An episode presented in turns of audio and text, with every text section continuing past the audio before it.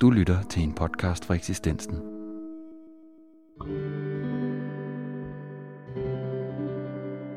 Som en markering af Kirkelig Centrums 120 års jubilæum, har en række engagerede folk fra den danske folkekirke i bogen Udfordringer til kirken givet deres bud på, hvad der lige nu er kirkens største udfordringer. Nogle af skribenterne kommer fra Kirkeligt Centrums egen kreds, andre udenfor. På dagen for udgivelsen af Udfordringer til kirken holdt tre af bogens bidragydere, professor Dr. Teol fra Menighedsfakultetet Kurt E. Larsen, tidligere sovnepræst Birgitte Thyssen og pastor emeritus Ole Jul hver et foredrag. De tre foredrag kan du lytte til lige her.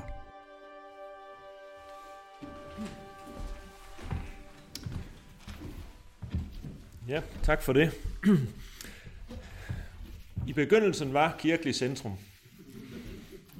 Ja, det er jo sådan lidt... Øh, men øh, i hvert fald så kan man godt øh, overse det, hvis man kigger sådan mere overordnet på dansk kirkeliv i sådan perioden fra 1850 og frem til 1970, eller måske lige frem til år 2000 eller 2019, så er det ikke lige frem øh, det kirkelige centrum, der fylder i den kirkehistoriske litteratur, og endelig så blev bevægelsen kirkeligt centrum jo også først stiftet i 1899.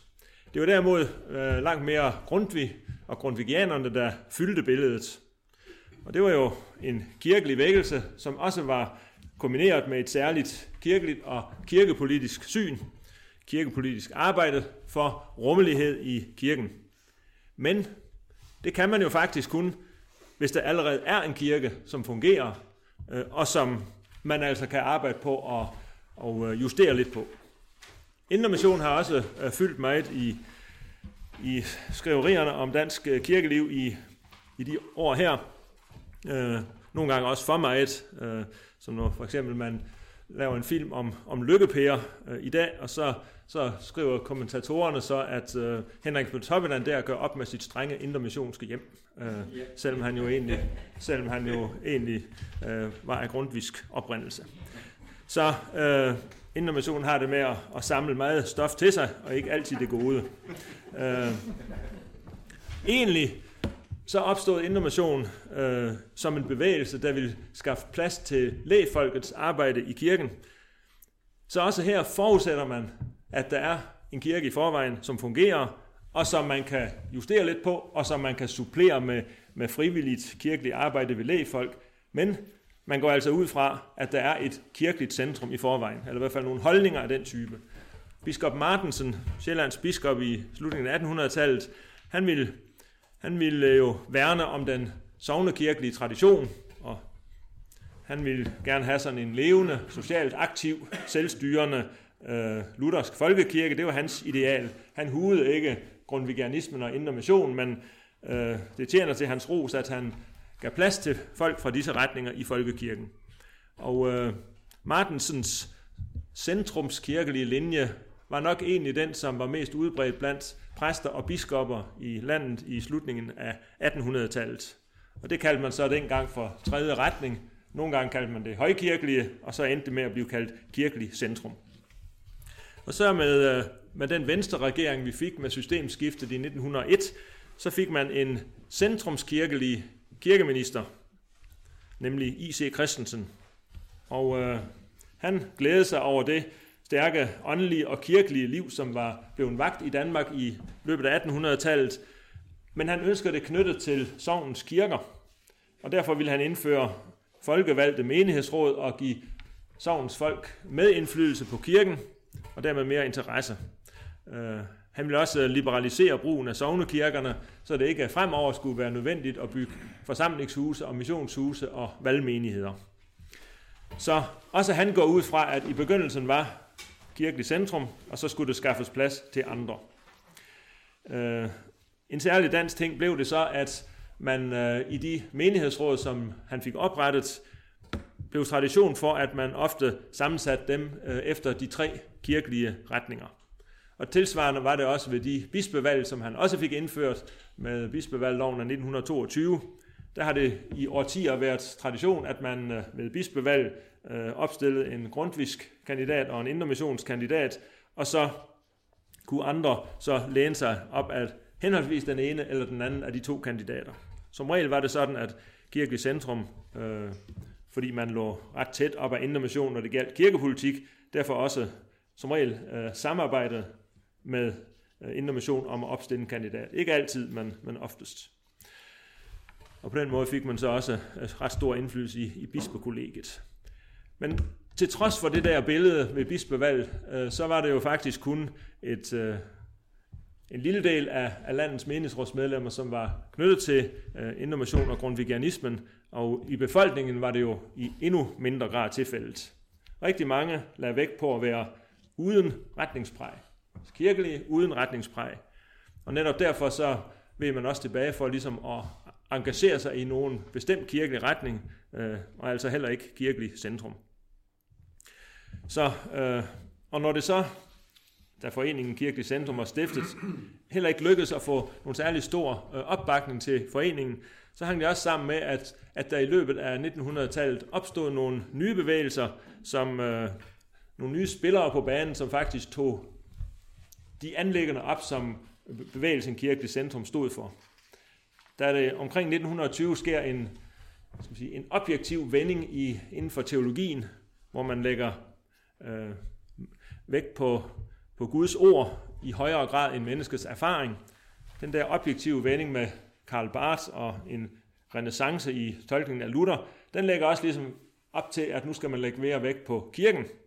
Og, og den der vending, den øh, kom så i Danmark til at udforme sig på den måde, at, at der opstår nye bevægelser, som altså øh, varetager nogle af, af kirkelig centrums klassiske anlægner. Der var for eksempel de, de højkirkelige, som, øh, som havde det med liturgi som en hovedinteresse. Øh, og den havde en del vind i sejlene i en overgang, havde også en del anlæggende og fælles med kirkelig centrum, men man var altså en særlig bevægelse med navnet kirkelig fornyelse. Og så tideværv. Øh, tideværv stod for en, en markant øh, folkekirkelig linje, men man forstod ordet folkekirkelig på en lidt anden måde end kirkelig centrum, var vant til at forstå det fordi man i tideværv sådan generelt var, var imod øh, faste lærepunkter og, og bindende moralske normer, og også fordi man sådan helt principielt går ind for den statskirkelige organisering af folkekirken, til forskel fra kirkelig centrum. Så var der øh, aktivisterne i Københavns Kirkefond. De var også bevidst øh, kirkelige i den forstand, at man øh, ønsker at samle alle kirkelige aktiviteter og øh, ja, øh, arbejdsgrene omkring øh, Sognekirken og øh, præsterne der.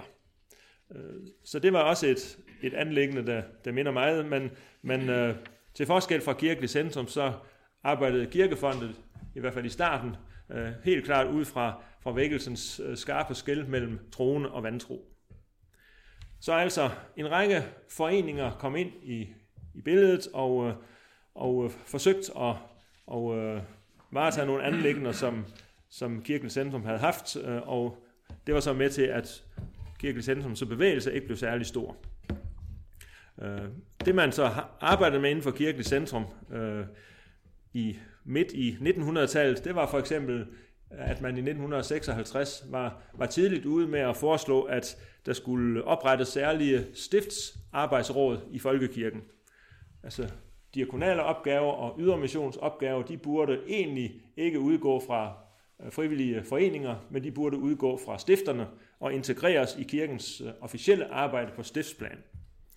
Og øh, så der var man tidligt ude med det forslag og vandt en lille smule medvind og medhør øh, for det, men, øh, men så kom man ind i den grundvisk tideværvske storhedstid, og så var det ligesom ikke øh, rigtig øh, medvind længere, før en faktisk sådan øh, omkring år, år 2000, øh, hvor stifterne begynder i høj grad at, at sætte aktiviteter i gang på bred folkekirkelig basis, og øh, nu har vi så også fået stiftsråd.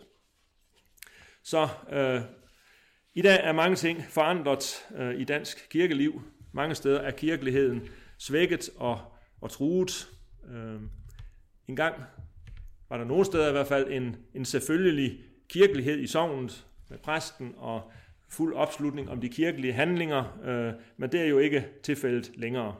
Og, øh, og det stiller jo så øh, tanken om det kirkelige centrum ind i en ny øh, situation og nye udfordringer. fordi øh, der er jo i dag øh, endnu flere forskellige holdninger i folkekirken, end der var tidligere. Nogle vil gerne lave utraditionelle tiltag i folkekirken, øh, åbne folkekirken for kulturelle aktiviteter, måske endda tværreligiøse øh, aktiviteter, øh, og øh, det kan der så være meget debat om. Men ind i den debat, så ville det være godt, hvis der var et kirkeligt centrum, altså i, i bred forstand, som ligesom øh, kunne fastholde kirkens lutherske profil. Lidt af det samme gør sig også gældende, når man ser på, hvor mange sådan ny åndelige bevægelser, der egentlig er i, i det danske samfund i dag.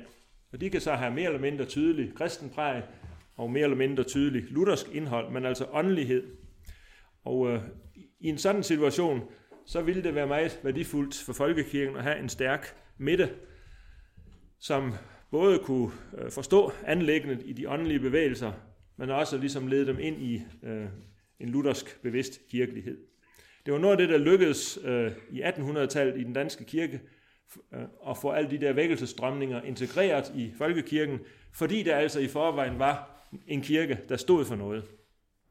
Og der tænker jeg, at øh, hvor der i forvejen er en klar luthersk øh, basis, så kan man lettere integrere nye bevægelser og nye livsstrømme, som kirken har brug for. Så øh, mere end nogensinde, så synes jeg, der er brug for en samling om det, der er kirkens centrum, nemlig luthersk tro, gudstjeneste, liv, sakrament, liv og oplæring. Øh, også fordi den kristelige oplæring står så svagt, og, og derfor bør prioriteres mere end nogensinde. Så der er brug for indøvelse i Luthers kristen tro i en tid, hvor traditioner smuldrer, og hvor mange religiøse opfattelser er i spil. Så min tese er, at folkekirken overlevede 1800-tallets øh, voldsomme omskiftelser, fordi der i begyndelsen var en centrumslinje, øh, som andre kunne spille opad og, og øh, justere på og forny. Og øh, nu er det så igen øh, store brydningstider, og øh, derfor mener jeg, at der igen kan siges at være brug for en, en stærk røst i centrum af kirken til at holde sammen på, på de mange forskellige strømninger. Og øh, nu er højkirkeligheden og øh, kirkefondsaktivisterne og tideværv jo næsten også væk, øh, og øh, så der er blevet plads på, på midten igen. Og, øh, og så slutter jeg min artikel med at spørge, kunne man forestille sig, at en gammel bevægelse på 120 år som kirkelig centrum, også i fremtiden, kunne komme til at spille en, en vigtig rolle i den der samling omkring midten? Ja, hvorfor ikke?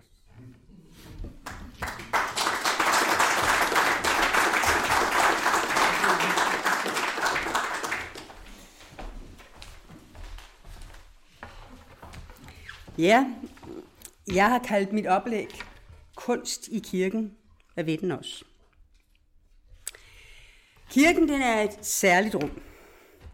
For mange kirkers vedkommende er et rum, der i århundreder, ja indimellem 800-900 år, har dannet ramme om sit særlige indhold, forkyndelsen af det kristne budskab om Guds frelse i Kristus, og om liturgi og formidling af kristen tro. Og her i kirken kommer som bekendt mennesker i alle livssituationer, fra dåb til død, og det ind imellem. I glæde og sorg, i håb og fortvivlelse. Kirkerummet er ikke et museum med hvide vægge, eller et galleri med skiftende udstillinger, men et rum præget af fortid og nutid, af tradition og fornyelse. En kirke, et gudshus, forpligter kunstneren, der får til opgave at fremstille kunst i kirken.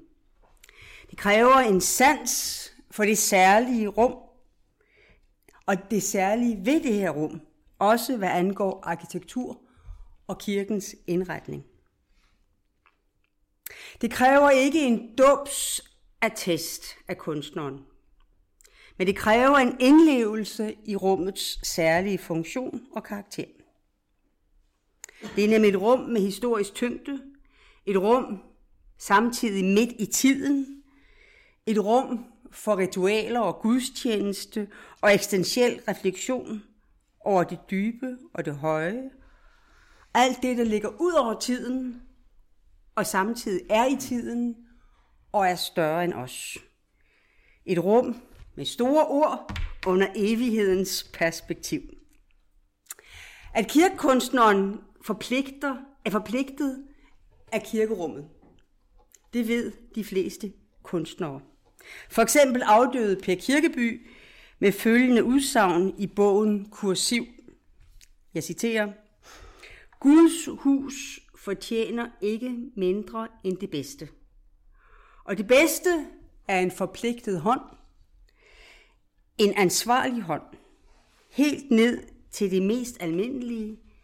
Selv håndværksmalerens hånd skal kunne ses. Citat slut. Kirkekunst, det er jo en konkretisering, kan man sige, af det abstrakte ord om Guds virke i verden. Kirkekunst kan være abstrakt, men bør efter min opfattelse ikke være ren abstraktion. Det er for flertydigt. Det kan tolkes alle mulige steder hen. Heller ikke kun figurativ kunst. Det bliver let banalt, eller for entydigt, eller for enkelt. Kirkekunst i dag befinder sig ofte mellem abstraktion og, og, og figuration. God kirkekunst giver et bud til liturgi og prædiken, men rummer også et kritisk potentiale og kan stille spørgsmål til teologi og kirke og provokere og udfordre. Kunst taler til sanserne. Kirkekunst til synssansen. Og den kan berige forkyndelse og undervisning. Den kan modvirke intellektualisering og give plads for følelser og hjertesprog og åbne og udvide forkyndelsen. Og kunstens opgave, det er altså at gøre det usynlige synligt. Alt dette gælder i høj grad kunstneren Arne Haugen Sørensen. Han visualiserer det, der er større end os. Han har udsmykket både gamle og nye kirker, og med sin kunst og med sin karakteristiske stil, netop en blanding af figuration og abstraktion, en meget, meget karakteristisk stil, man er aldrig i tvivl, når man ser Haugen Sørensen, at det er ham. Med sin særlige stil har han sat præg på disse huse, forløbig knap i 30, 30 huse, 30 kirker rundt om i landet gennem de sidste 35 år. Forud for det, der havde han en ganske alsidig og ganske, kan man nok have lov at sige, broet øh, karriere, som I kan læse lidt om i bogen i hans artikel Bekendelse. Oprindeligt var han kritisk, ja skeptisk over for kristendommen. Og i artiklen fortæller han nu om den, citat, berigende åndelige opdagelsesrejse, citat slut, som det har været med tiden at finde ind i kristendommens billedunivers. Og her beskæftige sig med, igen citat, tro, håb og kærlighed. Disse foragtede og tabubelagte motiver og myter, som har været til dyb inspiration for andre malere, levende og døde, og giver mig direkte mulighed for at samtale med dem om de største og mest sårbare ting, som vores blufærdighed ellers forbyder os at tale om. Og så tilføjer han, at gøre dette til kunst. Og det gør han så. Han arbejder med mange bibelske motiver, men ikke mindst opstandelsen har været i fokus i mange af hans undersøgelser. Og opstandelsen er også fokus i min artikel i bogen. Altså Arne Haugen Sørensens opstandelse. Han, har, han fik sin første opgave i 1983, et glasmaleri til en kirke i Kolding.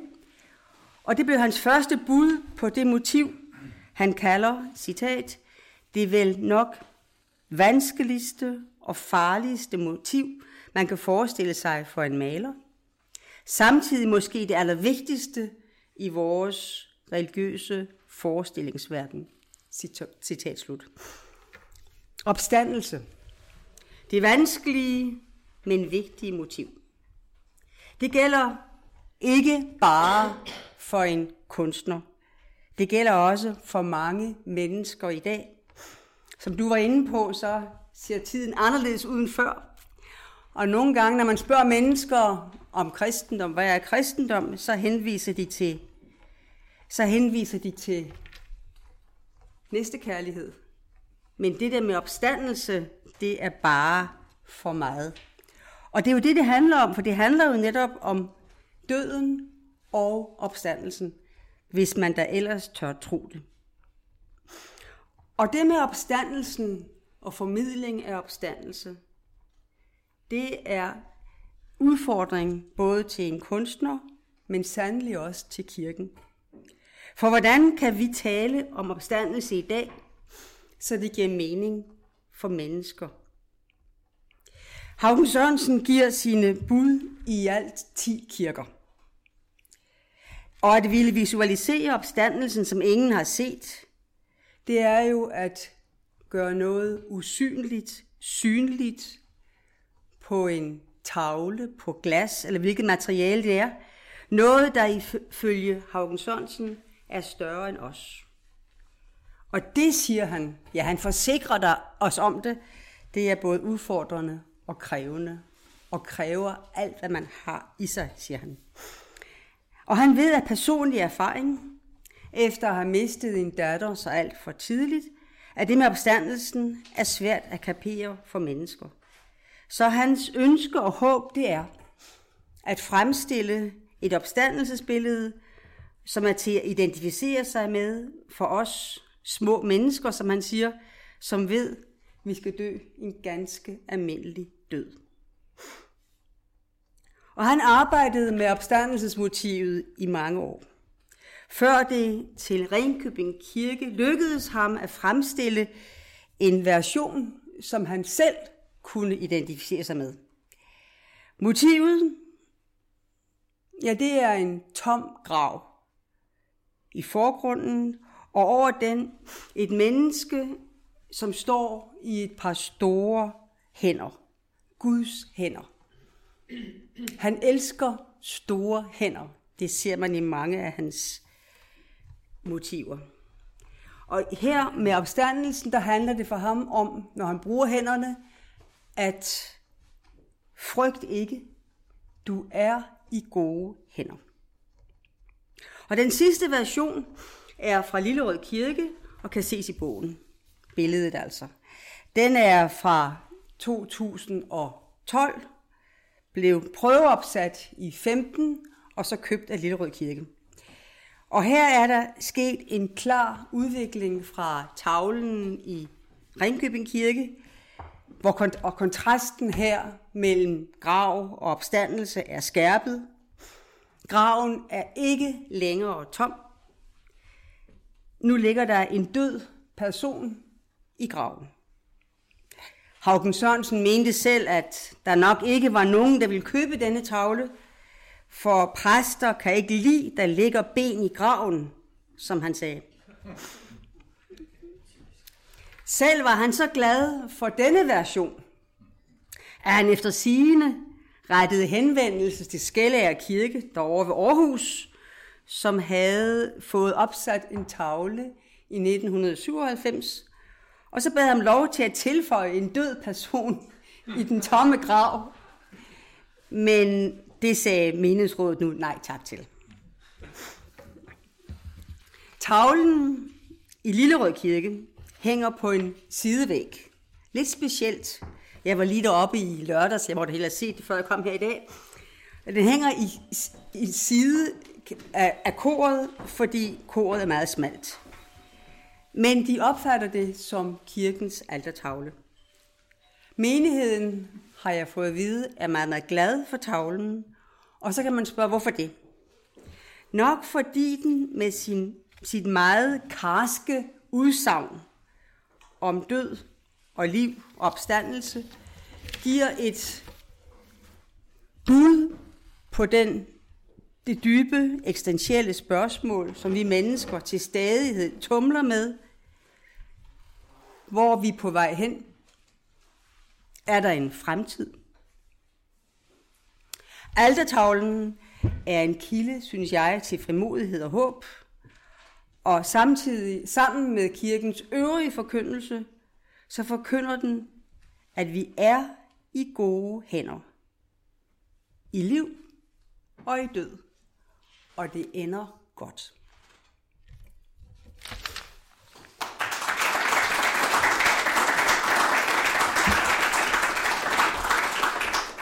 Tak til Birgitte og Kurt. Kurt, du skrev tidligere ud af historien.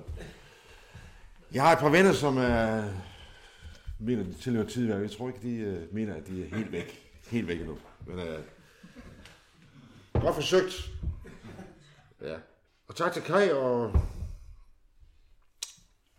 til Henning for at få uh, muligheden for at skrive en artikel til jeres bog. Og jamen, det er jo det som det, det er jo en tillidserklæring også. Det kom så nok af, at øh, jeg i sin tid øh, havde skrevet en artikel, eller et debatindlæg til Christi Dagblad om, øh, det var et åbent brev til en øh, tidligere kollega, en åbent brev til en kollega, der, der hedder, jeg vil have rugbrød med sunde kerner. Øh, jeg kommer tilbage til. Øh, og det gav så anledning måske til at spørge mig, om jeg ville øh, uddybe det i et, øh, en artikel. Og det har jeg så gjort til bogen, Øh, inden jeg kommer ind på det, så var det godt, Øh, jeg sad i toget på vej over og tænkte, kan vide, hvornår, hvornår jeg egentlig selv øh, stiftede bekendtskab med Kirke Centrum. Øh, det gjorde jeg selvfølgelig i 70'erne, da jeg læste teologi, øh, fordi så læste vi kirkehistorie, og så, jamen, så fik man i hvert fald oplyst om, at der havde været og var noget, der Kirke Centrum. Men det så begyndte at se nærmere over det, så tænkte jeg, at det jeg vidste det godt i forvejen. Øhm, ikke ud fra teologien eller kirkehistorien, men øh, meget mere personligt. Min far flyttede fra Fyn, tidligere landbrugskonsulent i, øh, på Tomrup Højskole, Indermissions Højborg der, flyttede til Thy i øh, 53. Og min søster og jeg, vi tænkte, vi må hellere flytte med. Det gjorde vi så. Jeg fra 49. Um, øhm, og det kan jeg så huske op gennem min øh, barndom og ungdom, der, der kom det i intermissionskredse i Thy. Men følte sig ikke helt øh, hjemme, fordi der var et eller andet der, der var en lukkethed, øh, som de ikke rigtig kunne bryde igennem. For de kom udefra. Og så, øh, så ved jeg, at de øh, forsøgte at gå over på en anden side og øh, interessere sig lidt for, jamen, hvad sker der ellers af, af kedelige ting her i, i omegnen. Det var oppe i Sjøring, oppe i den her Hundborg. Og der var der så folketri og øh, øh, frimindighed i, øh, i Hundborg, som de også opsøgte. Den grundfiske frimindighed. Men øh, det var endnu mere lukket. Øh, det var virkelig, øh, det, altså, det var, øh, far brugte ikke ordet vendemøder, men altså, det, det var det. Øh. Og så læser jeg Kajs øh, glimrende artikel om ekorum. Så tænkte jeg, jamen, det var det, det var. Det havde været, de havde oplevet det som, som nogle ekorum, hvor man kun talte til hinanden og bekræftede hinanden i det rigtige mod det forkerte. Og så ved jeg, fordi det, det fortalte min far med mig om, da jeg så begyndte at overveje at læse teologi, at, at, at han fandt så et sted i, i, i Tisted, i Kirke Centrum i Tisted. Og det blev så et godt ståsted, øh, værested for ham øh, og for mine forældre. Også fordi det handlede om gudstjenesten. Øh, han var selv kirkesanger i mange, mange år oppe i Sjøring. Så på den måde, så blev læsningen af, af nogle af de artikler, især, især Kajs artikel, jo bekræftende. Og fandt ud af, at det var det, der skete, det var det, det var, og det er det, det er. Øhm, så derfor har jeg jo, øh, jeg vil sige, Centrum stadigvæk en, en vigtig funktion der. Netop med at måske tale til nogle af dem, der føler, at de har været inde i nogle ekorum, som det blev talt om.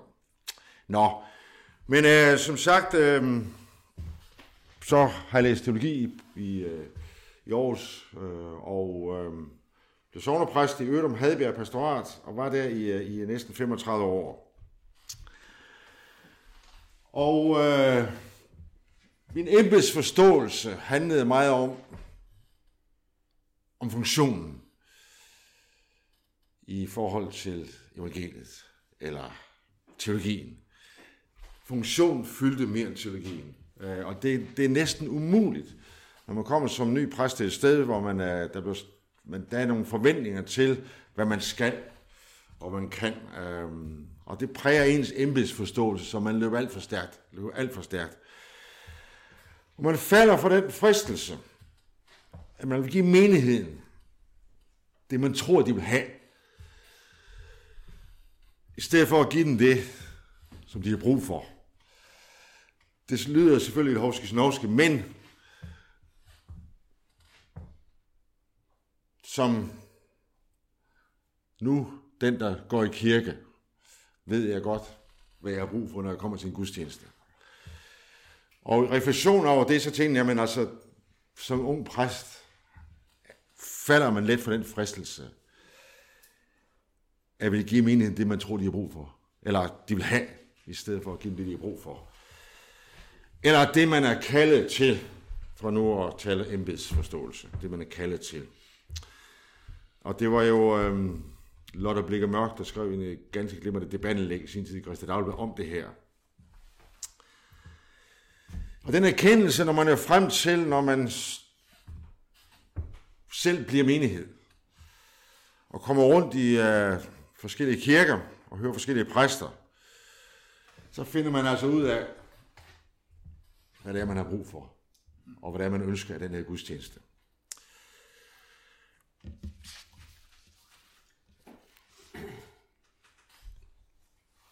Det er jo en øh, tendens i øh, forkyndelsen, som jeg synes er uheldig, mildt sagt. Øh, det er den der forkyndelse af, eller talen om, det er ikke en forkyndelse, det er en øh, tale om, øh, om den rare Gud, den altfavnende, søde, venlige Gud, som knus elsker sit menneskebarn. øhm, det kan også blive for meget af det gode. Øhm, for man også godt tales til. Øh, jeg var kæft for nylig et sted, øh, præsten sagde, men uh, øh, det er ligegyldigt om det er tro eller tuborg.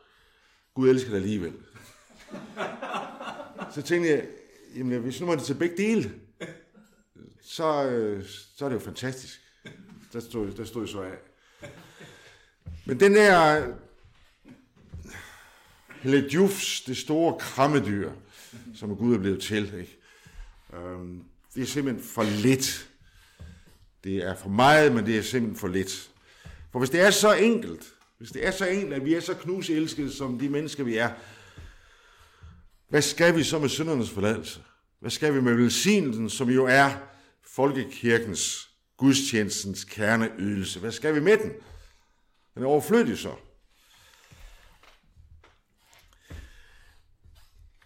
Og så brugte jeg så et billede, og har brugt det i, øh, i artiklen, at øh, mange af de prædikner, meget af den forkyndelse, det er ligesom vandbakkelse. Ikke? Jamen det, det smager godt. Det er sødt. Men altså, ligesom når jeg tager det første bid, så... Det, det er luft. Det er luft, det meste af det. Jeg vil have robrød. Altså, jeg vil have rugbrød med nogle ordentlige, sunde kerner. Altså, jeg vil have noget, der skal... Det, det tager tid at tykke igennem. Øhm, for nu blive det billede. Jeg vil konfronteres, tiltales som det menneske er, som den sønder jeg er i luthersk forstand.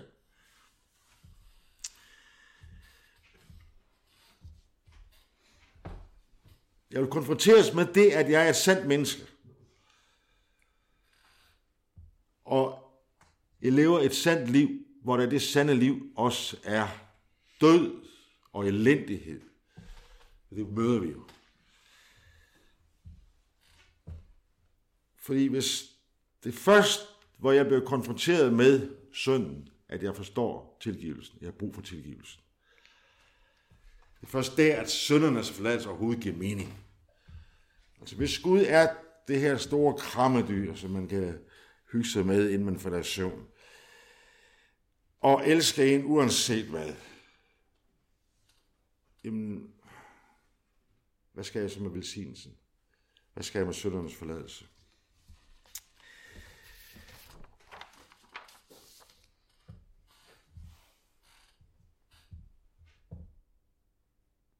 Det, det handler jo om, at jeg som menneske er glemsom. Jeg glemmer, hvem jeg er, og hvad det egentlig er, der betinger mit liv. Og så løs siger, at gudstjenesten er til for at komme i glemsomhed i forkøbet, og derfor holder vi gudstjeneste hver eneste søndag, for at komme ind og høre det igen og igen og igen. Øhm, men hvis jeg har hørt en gang, at jeg elsker uanset hvad, så er der ingen grund til at komme derhen. Men det er jo ikke nok. Det ved I også alle sammen godt. Det er jo ikke nok. Men det er den tendens, den er der. Og øh, den er jo også kommet ind i domsteologien. Og det er jo ret basalt i øjeblikket, og det bliver debatteret, og det er godt, øh, vi får debatten igen i Christi Dagblad. Øhm, der jo handler om, om dåben, hvad den egentlig er, om det er bare sådan en fælles handling, eller det virkelig er et sakramente, hvor korstegningen har betydning. Jeg fortæller med dåbsforældre og siger, at det er jo det er synes set en form for eksorcisme, det her. Det er den ældste del af, af oldkirkens ritual. Det er eksorcisme. Det er at markere, det her barn, det er nu Guds barn med Kristi kors. Og vandet er altså vigtigt, for det er sakramentet det her. At neddykning i vandet, man drukner det gamle menneske og trækker det nye menneske op. Altså det, det skal markeres i, uh, i dåben. Dåben er ikke kun det her fællesskab. Det er ikke kun den her store himmelske fætter men det er det blevet til. Altså, det er det blevet til i forkyndelsen. Og det er simpelthen tyndt. Det er det tyndeste. Um, men altså, men altså, når man taler om sakramentet, så er det jo Guds markering til mennesket om, at du er frelst. Det er det, i sakramentet er. Men jeg har selv faldet i gryden, eller i døbefonden, man vil, forskellige gange som ung præst, altså, øh, og kan stadigvæk gøre det. Øhm, fordi der ligger jo også fællesskabet. Fællesskabet skal også markeres. Øh, det er også en vigtig del af det. Men hvis det kun bliver det, så forsvinder sakramentet. Øhm, og øhm, den her dobsdebat, der kører i øjeblikket, den blev jo sådan set sat i gang lang tid, i april måned, tror jeg det var. Der skrev Marie-Louise Øjgaard Møller en ganske glimrende øh, og Henning er inde på det, en ganske glimrende artikel om, øh, øh, om dåben, hvor jeg og andre vi blev sat på plads. Øh, netop at dåben ikke kun er den her hyggelige fælles handling, men det er en frelseshandling. Det skal markeres. Omkring begravelse og bisættelse har jeg også skrevet i, i artiklen. Øhm, da i de begravelsestaler, som jeg selv har holdt, det ved jeg, og som jeg hører andre holde i dag, der fylder Vita, altså Vita-delen, selv livsdelen, selv omtalen af den afdøde, fylder næsten alt efterhånden. Selve forkyndelsesdelen fylder næsten ingenting længere. Der skriver jeg så, at det ikke er afdødes eftermæle, der borger for en nådefuld opstandelse. Det er Kristus. Men det er som om, at det er det gode eftermæle, der sikrer opstandelsen i den store, fyldige vita-del.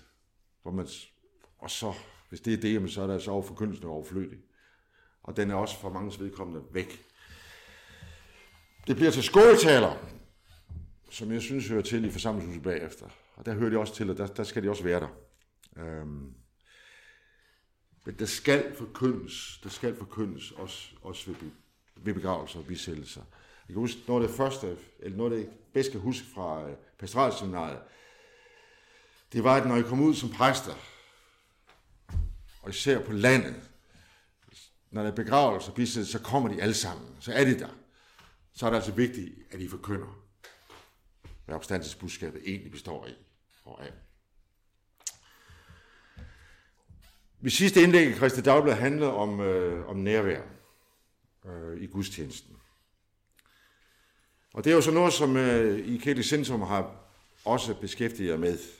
Øh, nemlig liturgien, som er vigtig, og ritualerne, som er vigtige.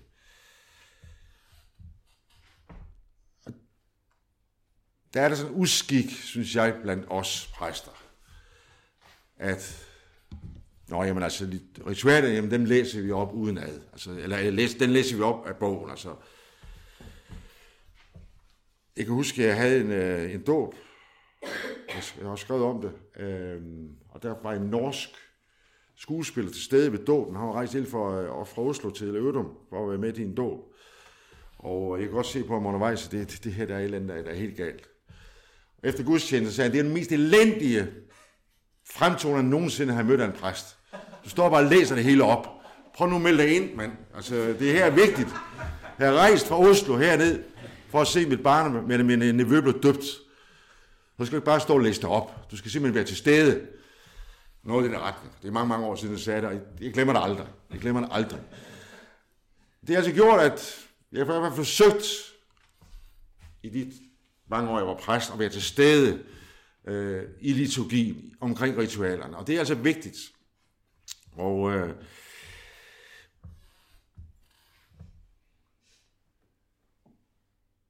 hvad hedder det? Øh, der er for mange af mine kollegaer, der forholdt altså sig ligegyldigt over for det her.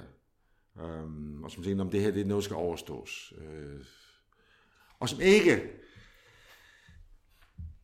markerer tydeligt nok, at der er altså noget på spil her. Der er virkelig noget på spil.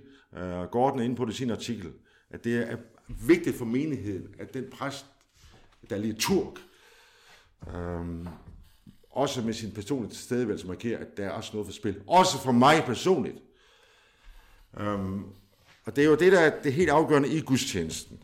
At den er så særlig, som den er. Og, øh, og forskellig fra alle mulige andre sammenhænge, som den er. Der skete jo desværre det i reformationsjubilæet, at der var alt for meget fokus på, hvor meget Luther betød for oprettelsen af velfærdsstaten Danmark, og hvor meget han betød for demokratiet, og al den snak handler egentlig mest om, at vi kunne gøre Luther øh, Gud klar for de kulturradikale også. Øh, I stedet for måske at markere, hvad der egentlig var, også var Guds, hvad, hvad Luthers anlæggende, nemlig gudstjenesten, messen. Øh, Henning rådede både på det i sin glimrende artikel øh, i, i bogen. Øh, det manglede vi simpelthen øh, i jubilæet, og der var jo penge nok til det. Og der trods af, hvad folkekirken ikke øh, har spillet ud af penge til omkring jubilæum der, det, det er bare ærligt, vi ikke gjorde det. Men øh, jeg vil sige, at øh, Eksistensen. Henrik, I har så forsøgt at råde både på det nu her med at øh, udgive bogen her, og øh, også tak til dig, fordi jeg var med til at bidrage til bogen. Så øh, jeg håber, den blev læst.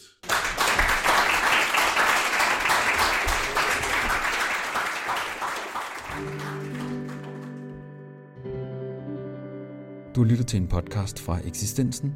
Bogen Udfordringer til kirken kan købes på Eksistensens hjemmeside, eksistensen.dk, hvor du også kan finde flere podcasts fra Eksistensen. Det kan du også gøre i din podcast-app på din mobiltelefon, på Spotify eller på eksistensen.podbean.com. Du er velkommen til at dele Eksistensens podcast med dine venner og til at give os en anmeldelse i iTunes. Tak fordi du lyttede med.